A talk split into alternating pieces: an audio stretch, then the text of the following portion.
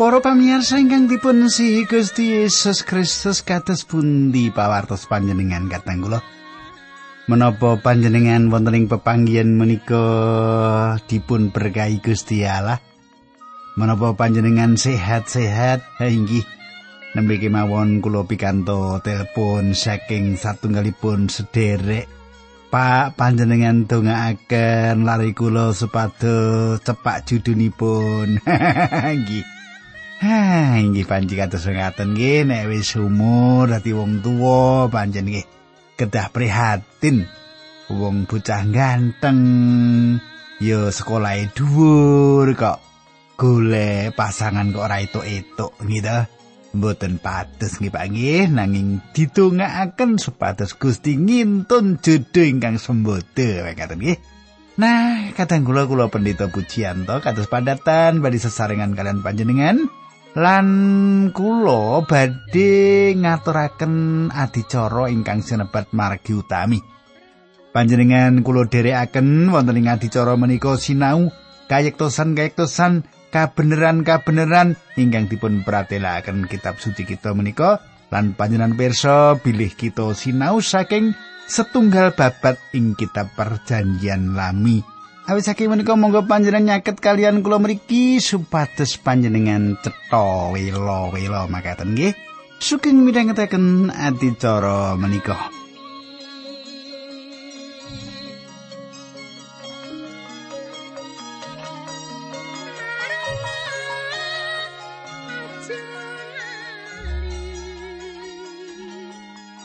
Para pamirsa menapa panjenengan tasih kemutan menapa ingkang kula aturaken untuk nalika kepengker menika sithik tak cuplik supaya panjenengan kemutan nggih.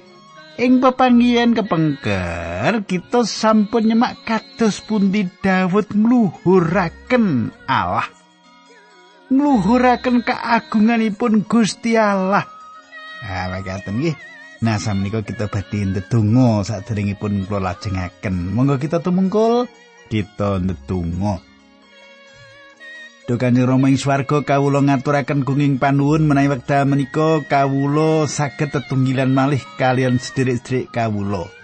Paduka berkahi adicara menika Gusti ingkang samenika ringkih imanipun sasamunipun midhangetaken sabda pangandikan Paduka saged dipun kiyataken lan kapi andalanipun dumateng Paduka Gusti tambah ngoyot. Linambaran asmanipun Gusti Yesus Kristus kawula ndedonga haleluya amin.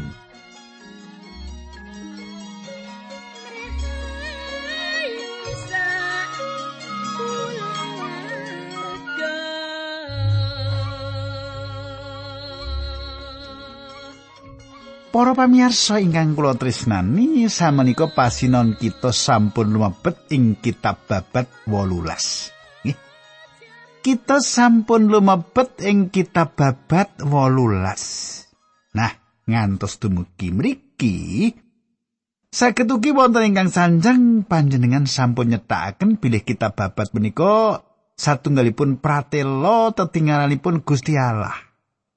Kados pundi kegayutan kalian peperangan saged dipun selarasen kalian tafsiranipun. pitakonane kok mbulet ngene iki piye to? Ngira kula yakin nggih pitakiran kados makatan wonten ing penggalipun saben tiyang pramila menawi kaidinan kula badhe ngaturaken sawetawis pambuka. Engko nek wis tak paringi tak aturi pambuka panjenengan sing takok sinaosa aku ora genah takok iki mau kepiye ning panjenengan mangke badhe mangertos piyambak. Para pamirsa ing perjanjian inggal, nggih ing perjanjian inggal Yakobus kanthi sederhana nyukani jawaban makaten. Apa sing jalari kowe padha congkrah lan tukar padu? Apa ora mergo kowe padha seneng ngumbar hawa nepsu lan mburu pepikiranmu lan tansah padha golek senengmu dewi-dewi? Kowe padha milik marang saweneing barang nanging ora kelakon banjur tuwuh niatmu arep memateni kowe kepengin apa-apa nanging ora keturutan banjur padu lan kerengan kowe ora oleh barang sing kok pengini awit barang mau ora kok suwun karo Gusti Allah panjenengan saged nyemak Yakobus sekawan ayat setunggal ngantos kali Para pamirsa kanthi tembung sanes mila bikanipun perang. Mila bikanipun perang awit saking manah ingkang kebak dosa ing salebeting manahipun manungsa. Gambel sanget dumados peperangan menika. Nanging kita mboten nate saged ngicali peperangan kanthi cara protes. Ora kena perang, ora kena perang, ora kena perang, mboten saged. Saged ugi kanthi kita protes peperangan dipun pungkasi nanging ing papan sanes kawiwitan perang malih.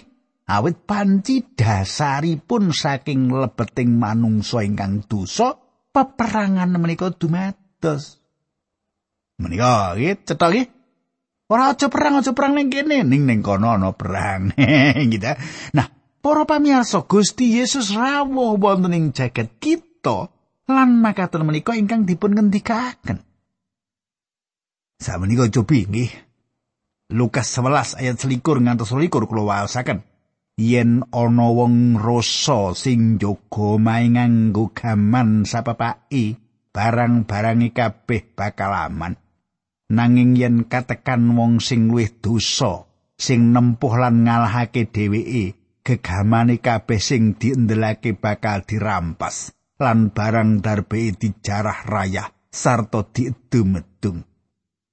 Para pamirsa kenging menapa Gusti Yesus ngendika ingkang kados makaten. Awit awit wonten mengsah-mengsah ingkang wonten ing Jawi, kita mboten gesang kados ingkang dados angenan kita. Kraton sewu taun dereng dumugi manungsa ki dereng saged mbangun kerajaan ingkang kebak katentreman menika. Mboten wonten sanes ingkang saged andhatengaken katentreman ing jagat menika. sang raja katentreman. Sang raja katentreman. Para pamirsa ingkang kula tresnani. Saderengipun panjenengan rawuh, kita kedah jagi supados bedil-bedil kita mboten bledos. Para pamirsa, sasampunipun menungso dawah ing salebetipun dosa. Gusti Allah ngendika dumateng iblis. Purwaning dumadi 3 ayat kang 11. Kowe lan wong wadon iki bakal tansah padha memungsuan semono turune wong wadon iki lan turunmu. Turune wong wadon iki bakal ngremuk ndasmu lan kowe bakal ngremuk tungkae. Panjenengan boten saged ngicali perkawis menika badhe dumados peperangan saderengipun dosa dipun sucikaken ing jagat menika. Ngantos sedaya patrap kejem dipun sirnakaken. Perang menika satunggalipun tondo penyakitipun inggih menika dosa. Inggih dosa menika ingkang dados perkawisipun. Daud dados menungso ingkang dipun berkahi Gusti Allah lan akibatipun wonten mengsaing sakiwa tengenipun. Samenika monggo kita nyemak peperangan ingkang dipun lampahi Daud. bangsa-bangsa ingkang dipun sebataken ing mriki satunggalipun mengsah-mengsah langgeng bangsa Israel lan tansah nyerang ing wekdal bangsa Israel ing salebetipun kahanan ingkang ringkih. Ayat setunggal kalih tiga sekawan setunggal babat bab wolulas makaten surasipun. Ora watara suwe raja Daud ngluruk perang nyerang wong Filistin, wong Filistin kalah kutha Gat lan desa-desane sakiwa tengene direbut dening raja Daud. Raja Daud iya nelokake wong Moab, mula Moab kudu mbayar pajak marang raja Daud. Semono uga nyerang Hadadeser, ya kuwi raja Soba, sacedhake wilayah Hamat ing tanah Syria. Nalika semono Hadadeser lagi mulih saka peperangan, netepake panguasane ing wilayah sacedhake Bengawan Efrat. Raja Daud bisa ngrampas saka Hadadeser kreta perang sewu lan nawan prajurit jaranan pitung ewu sarta prajurit infanteri rong puluh ewu. Raja Daud nisihake jaran sawetara kanggo nyawisi kretane perang satus jaran liya-liyane digawe cacat. Para pamirsa kenging menapa Daud adamel cacat jaran-jaran menika. Awit Gusti Allah sampun paring dawuh dumateng umat kagunganipun supados rajanipun boten nambahi cacahipun jaran lan ugi nambahi semah. Ayat pitu wolu setunggal babat bab polulas. Tameng-tameng emas sing dinggo balani Hadadeser dirampas kabeh lan digawa menyang Yerusalem. Kejaba kuwi Raja Daud ngrampas prunggu akeh banget saka Tibat lan Kun ya kuwi kutha-kutha sing biyen dadi jajahane Hadadeser. Prunggu kuwi misuke dipigunakake dening Soleman kanggo gawe bak cagak-cagak lan bekakas kanggo upacara pangibadah ing pedalamane Allah. Para pamirsa panjenengan semak bilih bahan-bahan ingkang dipun ginakaken Soleman kangge mbangun pedalaman Allah dipun klempakaken dening Daud. Ayat 11. Barang-barang mau kabeh disaosake dening Daud marang Allah. Digawe bekakas kanggo upacara pangibadah Semono uga sakai emas lan sloka sing dirampas saka bangsa-bangsa sing ditelokake ya kuwi bangsa Edom, Moab, Amon, Filistia lan Amalek. Para pamirsa, Daud kaparingan kamimpangan atas sedaya mengsah langengipun bangsa Israel ingkang sadangunipun menika tansah merangi bangsa Israel ing wekdal bangsa Israel sawek ing salebeting kahanan ingkang ringkih. Panjenengan katosaken supados tiang saged dados raja ing tanah menika kedah wonten mengsah-mengsah ingkang dipun tundung.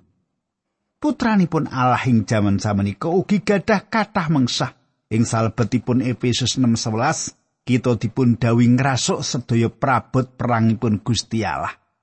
Mengsah kita mboten mengsah ingkang gadah rah lan daging. Mengsah kita awujud roh inggih menika ingkang dipun pratelakaken Paulus ing serat Efesus 6 ayat 12.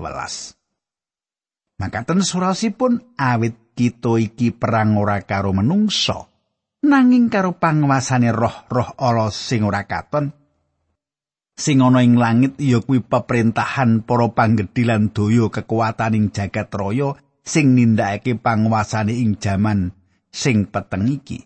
Para pamiyasa, Inggih kados makaten menika kahanan ingkang dipun adepi panjenengan lan kula.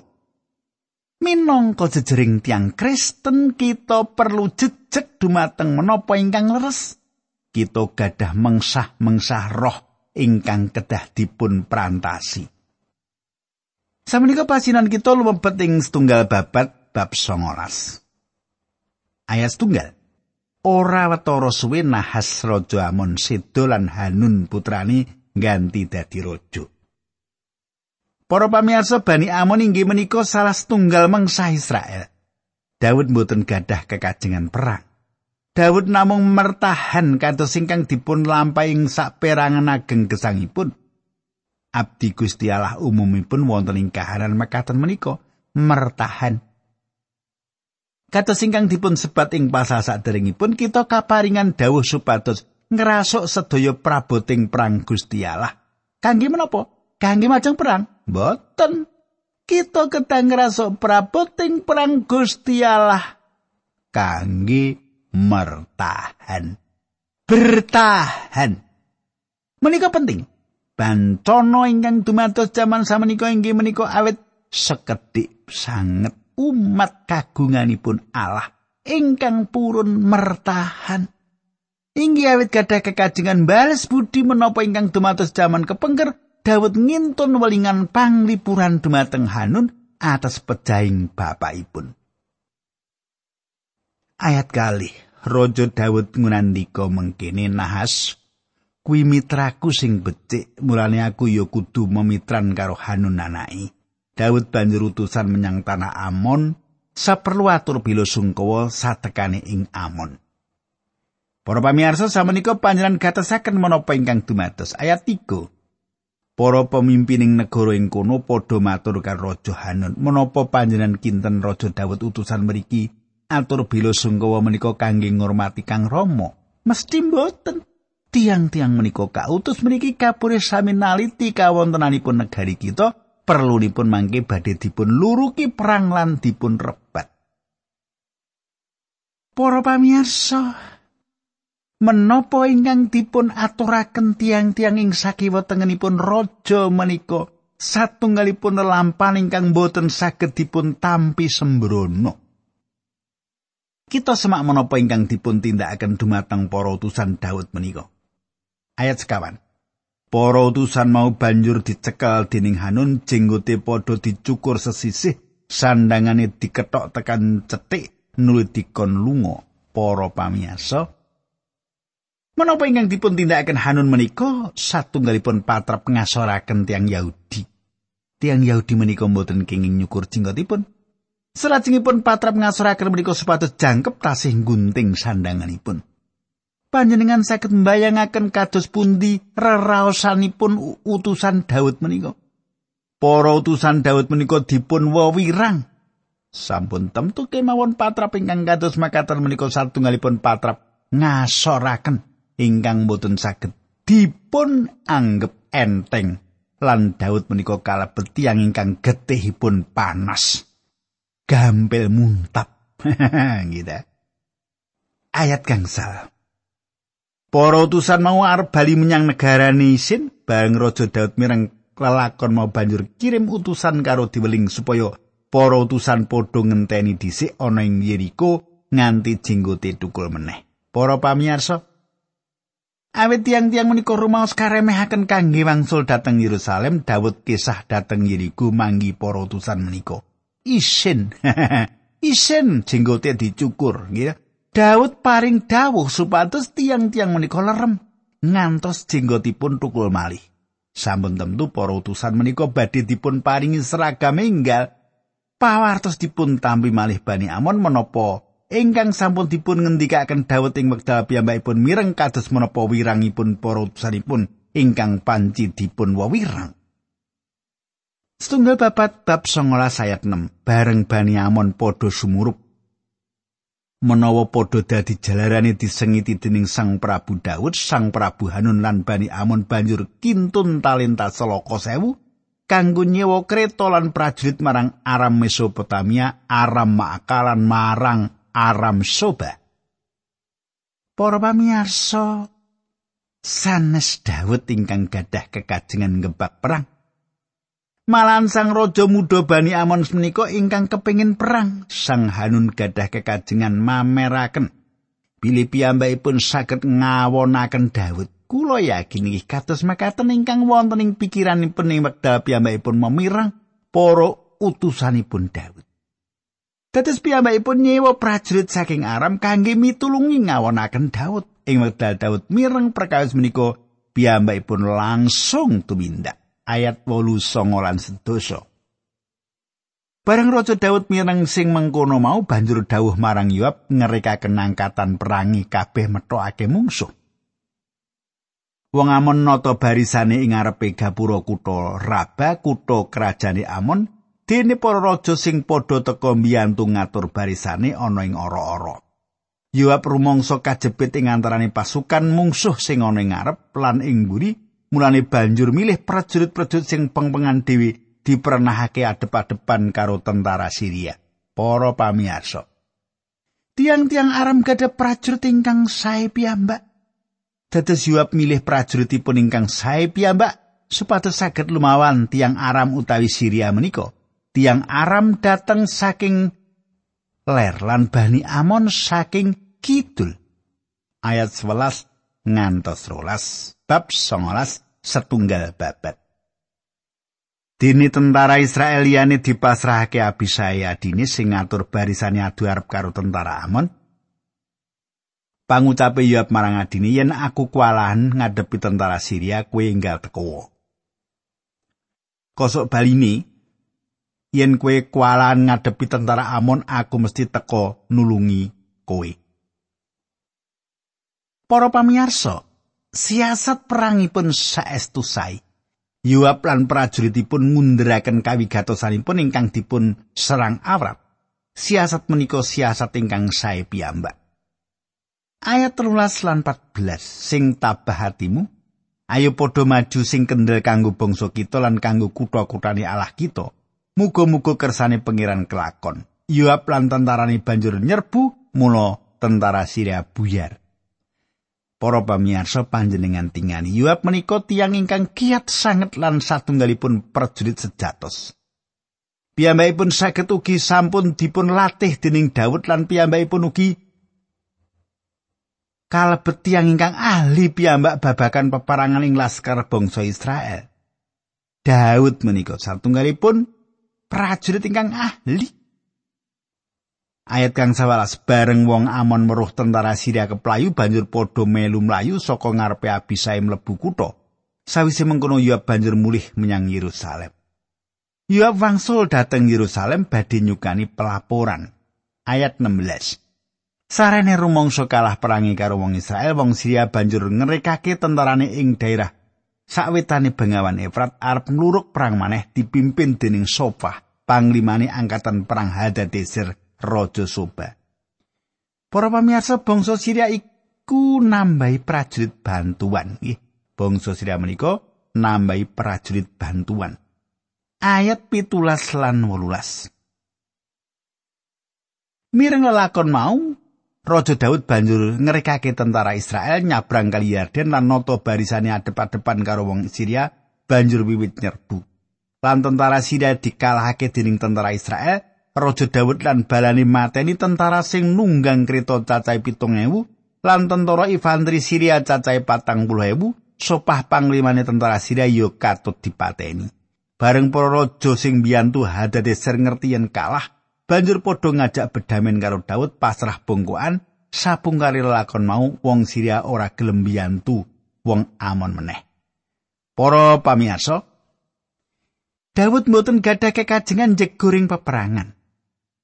Kita pikantuk tetinggalanipun Gusti Allah kegayutan kahanan menika lan panjenenganipun meratelaken cetha sanget supados Daud ngawontenaken pirukunan kalian Bani Amon. Daud mboten gadah kekajengan merangi Bani Amon.